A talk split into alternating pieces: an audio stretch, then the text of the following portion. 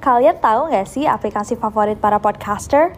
Aplikasi yang jadi kunci sukses para podcaster untuk ngerekam podcast-podcast keren mereka cuma dari smartphone, namanya Anchor. Anchor ini kalau aku bisa bilang adalah all-in-one app yang simple banget. Gak heran kalau para podcaster bilang bahwa aplikasi inilah kunci kesuksesan dari podcast-podcast mereka. Di Anchor, kalian gak cuma ngerekam suara, tapi juga bisa ngedit.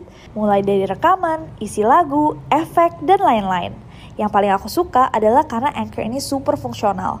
Aku bisa langsung upload podcast aku ke Spotify atau platform lain langsung dari Anchor.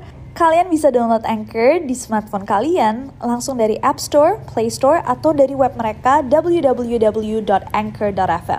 Trust me, Anchor is your best friend to create stunning podcasts. And you know what?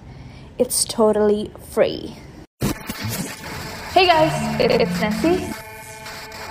And welcome back to Nero. To Nero, to Nero. 20 luka bekas suntikan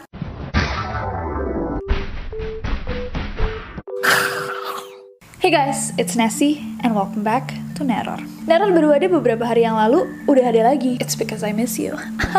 But seriously, aku mencoba banget untuk membuat sebanyak mungkin konten yang aku bisa buat untuk menemani kalian agar kalian betah di rumah aja. Juga ada bahan diskusi bersama teman-teman. Aku sering banget di tag di Instagram By the way, kalau kalian belum follow, bisa follow aku di Instagram. Aku lebih aktif di sana untuk update keseharian aku. Tapi aku sering banget di tag sama kalian, chat-chat kalian yang mendiskusikan error, and I love that. Nah, salah satu video yang suka kita bikin di Neror adalah video True Crimes, atau kasus-kasus kriminal yang masih menjadi misteri.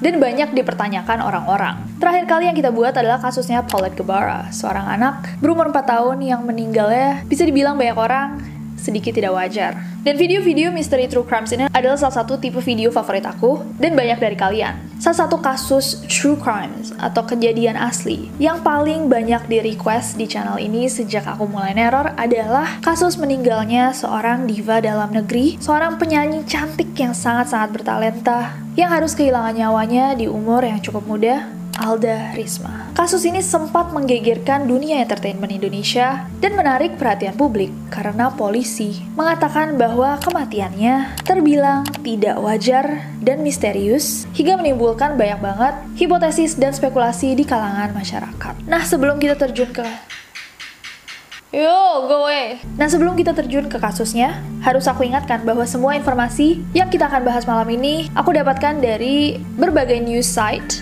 situs-situs berita, dan forum-forum publik. Tidak ada satupun spekulasi pribadi. Aku membuat video ini karena banyak sekali yang request. Aku membuat video ini sebagai reportase dan pembahasan saja, sama dengan ketika aku membahas kasusnya Marilyn Monroe atau Diana Spencer, tidak ada hubungan pribadi, hanya pembahasan. So, Hari ini kita akan membahas tentang misteri meninggalnya Alda Risma. So without any further ado, stop senyum-senyum, cause shit's about to go Alda Risma Elvariani adalah seorang penyanyi, aktris, dan model asal Bogor, Jawa Barat yang lahir pada 23 November tahun 1982. Dia menghembuskan nafas terakhirnya pada 12 Desember tahun 2006. Saat itu usianya baru saja 24 tahun. Menurut reportase, Alda meninggal karena overdosis psikotropika dan ditemukan sekitar 20 bekas suntikan di sekujur tubuhnya. Suntikan-suntikan tersebut mengandung benzodiazepine, propofol, petidin, morfin, dan pil analgerik. Zat-zat yang terkandung dalam obat-obatan tersebut menyerang sistem saraf dan pernapasan Alda. Namun yang menjadi tanda tanya besar adalah apakah Alda overdosis karena perbuatannya sendiri atau ada orang lain yang harus bertanggung jawab. So kita masuk ke background. Buat kalian yang gak kenal nih sosoknya Alda Risma, sedikit tentang Alda Risma. Dia ini dibesarkan sama ibunya, jadi dia bersama 8 orang adiknya dibesarkan seorang diri oleh ibunya karena ayahnya meninggalkan mereka pada tahun 1996. Pada tahun 1997, Alda memulai karirnya saat dia berkolaborasi dengan boyband asal Inggris Code Red untuk singlenya yang berjudul We Can Make It. We can. Kemudian di tahun berikutnya, Alda merilis lagunya yang paling terkenal, yaitu Aku Tak Biasa. Oh, aku tak biasa. Itu. Aku tak biasa.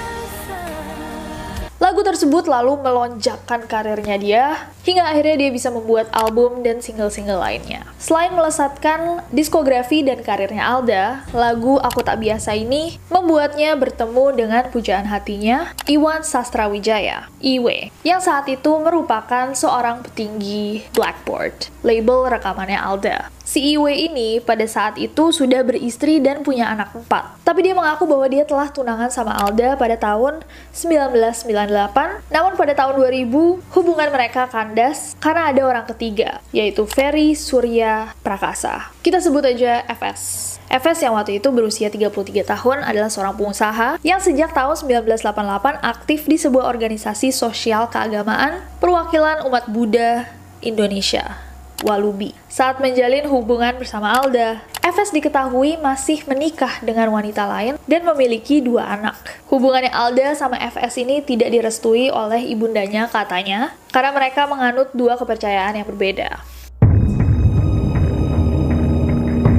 Apa yang terjadi pada hari itu? Jadi pada hari itu, tanggal 12 Desember tahun 2006, sebuah hari yang kelam. Pada jam 6 sore sekitar 18.00, FS menelpon lobby hotel di mana dia dan Alda tidur untuk beberapa hari, meminta untuk dipanggilkan taksi untuk membawa Alda ke rumah sakit. Dilansir dari majalah Tempo, supir taksi yang menolong FS untuk membopong tubuhnya Alda dari kamar yang menuju mobil bersaksi bahwa saat itu tubuhnya Alda sudah sangat dingin. Dan saat ditanya, FS hanya menjawab dia banyak minum obat tidur. Dan ternyata ini adalah kronologi yang sebenarnya.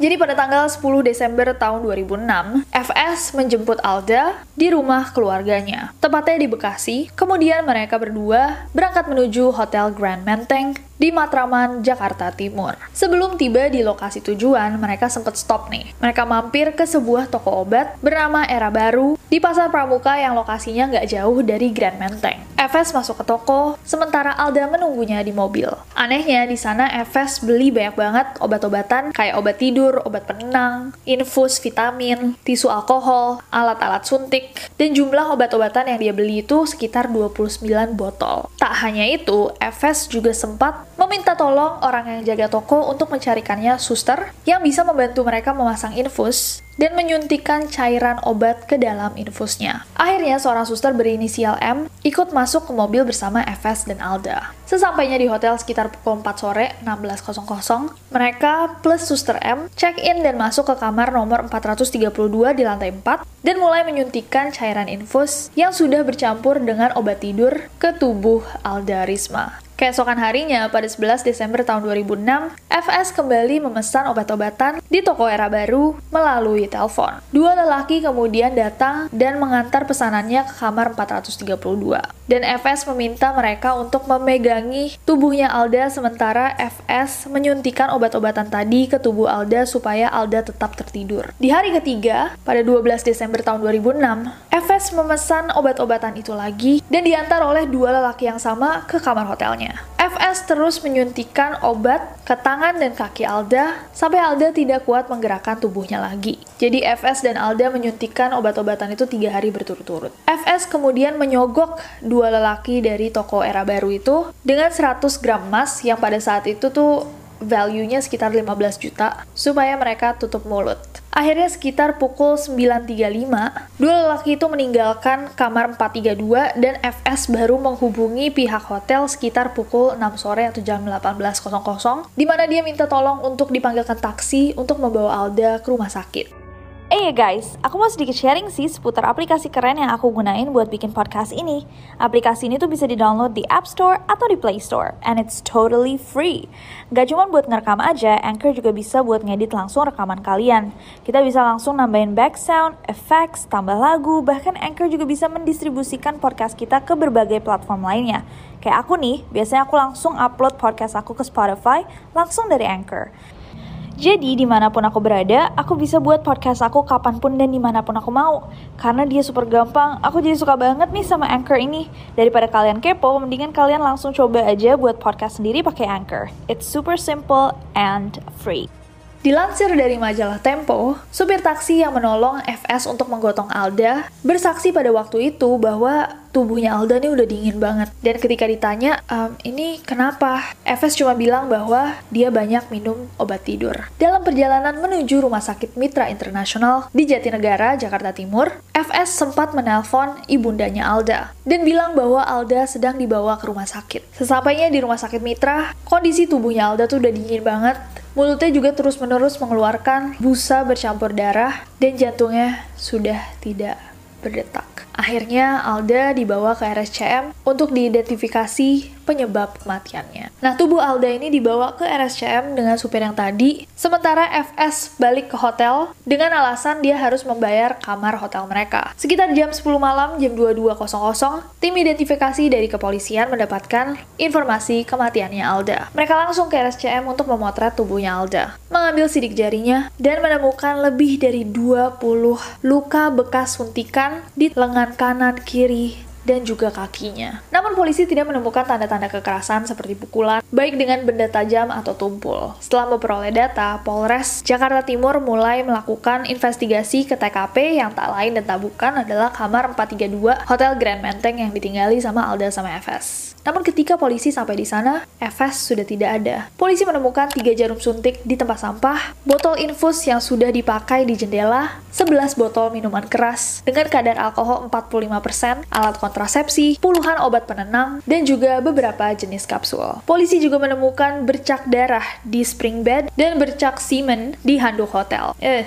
Nah, at this point, polisi baru tahu bahwa Alda tidak menginap sendirian di kamar hotel itu. Karena sebelumnya, waktu dianterin ke RSCM, kan dia datangnya sendiri. Tubuhnya Alda doang kan. Sementara FS-nya kan cabut. Baru ditanya sama polisi, ini siapa yang mesen? Bilanglah resepsionis bahwa kamar itu dipesan oleh kekasihnya Alda FS. Pada saat itu para polisi percaya bahwa oh kayaknya orang ini mencoba melarikan diri karena dia bersalah. Tapi di mana FS? Dari kecurigaannya, para polisi datang ke kediamannya, namun setelah melakukan pengintaian sekitar dua hari, rumah itu terlihat tidak berpenghuni. Akhirnya dari keterangan yang diberikan oleh satpam rumah, FS sudah terbang ke Singapura. Dari hasil identifikasi yang sudah dilakukan, polisi mengonfirmasi bahwa penyebab kematian Alda adalah karena overdosis obat-obatan terlarang. Namun yang masih menjadi tanda tanya adalah adalah apakah dia sengaja mengonsumsi obat-obatan sebanyak itu sehingga dia overdosis? Apakah FS sengaja memberikan dosis yang berlebih kepada kekasihnya? Adakah motif lain di balik penggunaan obat-obatan yang mereka lakukan? Nah, sekarang kita masuk ke kronologi penangkapannya FS. Seperti yang udah disebutkan tadi, FS pergi ke Singapura setelah Alda dikonfirmasi meninggal. Saat itu, pihak kepolisian Indonesia langsung menghubungi pihak kepolisian Singapura dan mereka bekerja sama untuk menangkap FS. Setelah buron sekitar sekitar 16 hari di Singapura, pada 28 Desember tahun 2006, FS tiba di Jakarta pukul 19.30 seorang diri dan dibawa ke markas Polda Metro Jaya untuk dimintai keterangan dan melanjutkan proses ini di pengadilan. Pada 9 Agustus tahun 2007, FS difonis 15 tahun penjara oleh Pengadilan Negeri Jakarta Timur atas pasal 340 KUHP tentang pembunuhan berencana. FS tidak terima dengan vonis tersebut karena dia bilang saya tidak melakukan apa-apa. Saya tidak bersalah dan tidak tidak melakukan pembunuhan kepada Alda. Namun pada 2 Februari tahun 2011, Mahkamah Agung mengabulkan permintaan pemotongan waktu penjara dilansir dari Detik News dari 15 tahun menjadi 8 tahun. Berikut adalah beberapa alasan kenapa Mahkamah Agung memberikan keringanan atas hukumannya FS. Emma meralat pasal yang dijatuhkan oleh PN kepada FS menjadi pasal 338 KUHP mengenai pembunuhan biasa, bukan berencana. Tidak ada bukti yang menunjukkan bahwa FS melakukan pembunuhan berencana sebab ada banyak bekas suntikan di tubuh Alda yang sudah lama. FS dianggap lalai dalam mengawasi konsumsi obat-obatan Alda sehingga menyebabkan Alda meninggal. FS tidak melakukan semuanya sendirian. Dua karyawan toko obat juga ikut andil sehingga mereka semua dijatuhi hukuman penjara yang sama 8 tahun. Sebelum kita membahas tentang asumsi orang dan apa yang dipercaya sama orang-orang, aku akan menambahkan beberapa fakta-fakta. 1. Bercak darah yang ditemukan di Springbed Hotel ternyata milik FS. 2.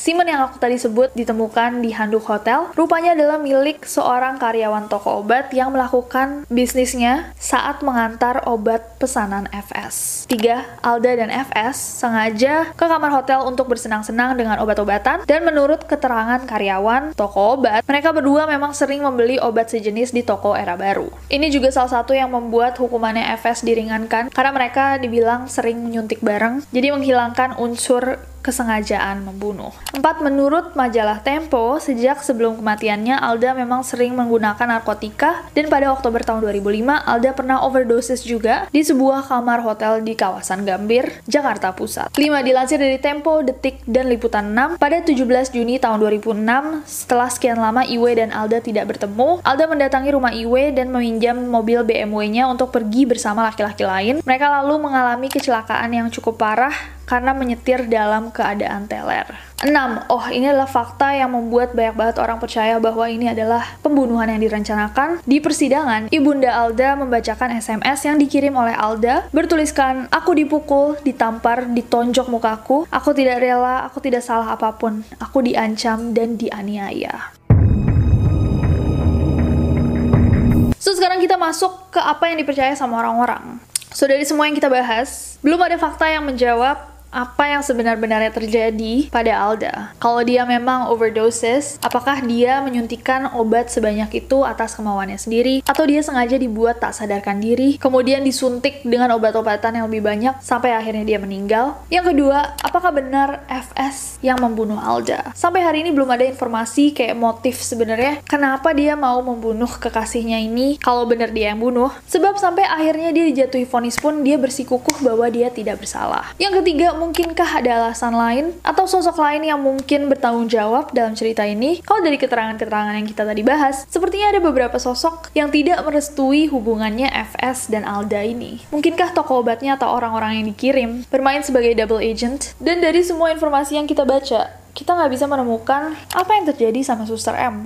Atau ke mana dia? atau siapa dia. So dari yang aku baca-baca itu adalah kemungkinan-kemungkinan yang paling banyak dipercaya oleh publik. Apakah kalian punya teori sendiri berdasarkan fakta-fakta yang tadi kita bahas? Kebetulan pada tahun 2006 aku sangat tidak mengenal dunia entertainment Indonesia. Jadi aku tidak menyaksikan seberapa intens bergulirnya kasus ini. Kalau misalkan kalian pada saat itu mengikuti kasus yang satu ini, adakah informasi-informasi penting yang mungkin aku potong dari video ini, tapi mestinya tidak? Please diceritain di bawah. Tapi itu tadi kasus Alda Risma. Maaf setelah bertahun bertahun-tahun kita baru bahas sekarang. But please do share what you think of this case di bawah. But other than that, I hope that you guys enjoy this video. Kalau misalkan kalian suka videonya, klik like-nya. Follow aku di Instagram dan Twitter gampang banget, Nessie Jajaja. Dan subscribe ke channel ini juga nyalain notification-nya biar kalian tahu kalau misalkan aku upload video baru. Karena aku gak sabar buat ketemu kalian lagi. Bye-bye!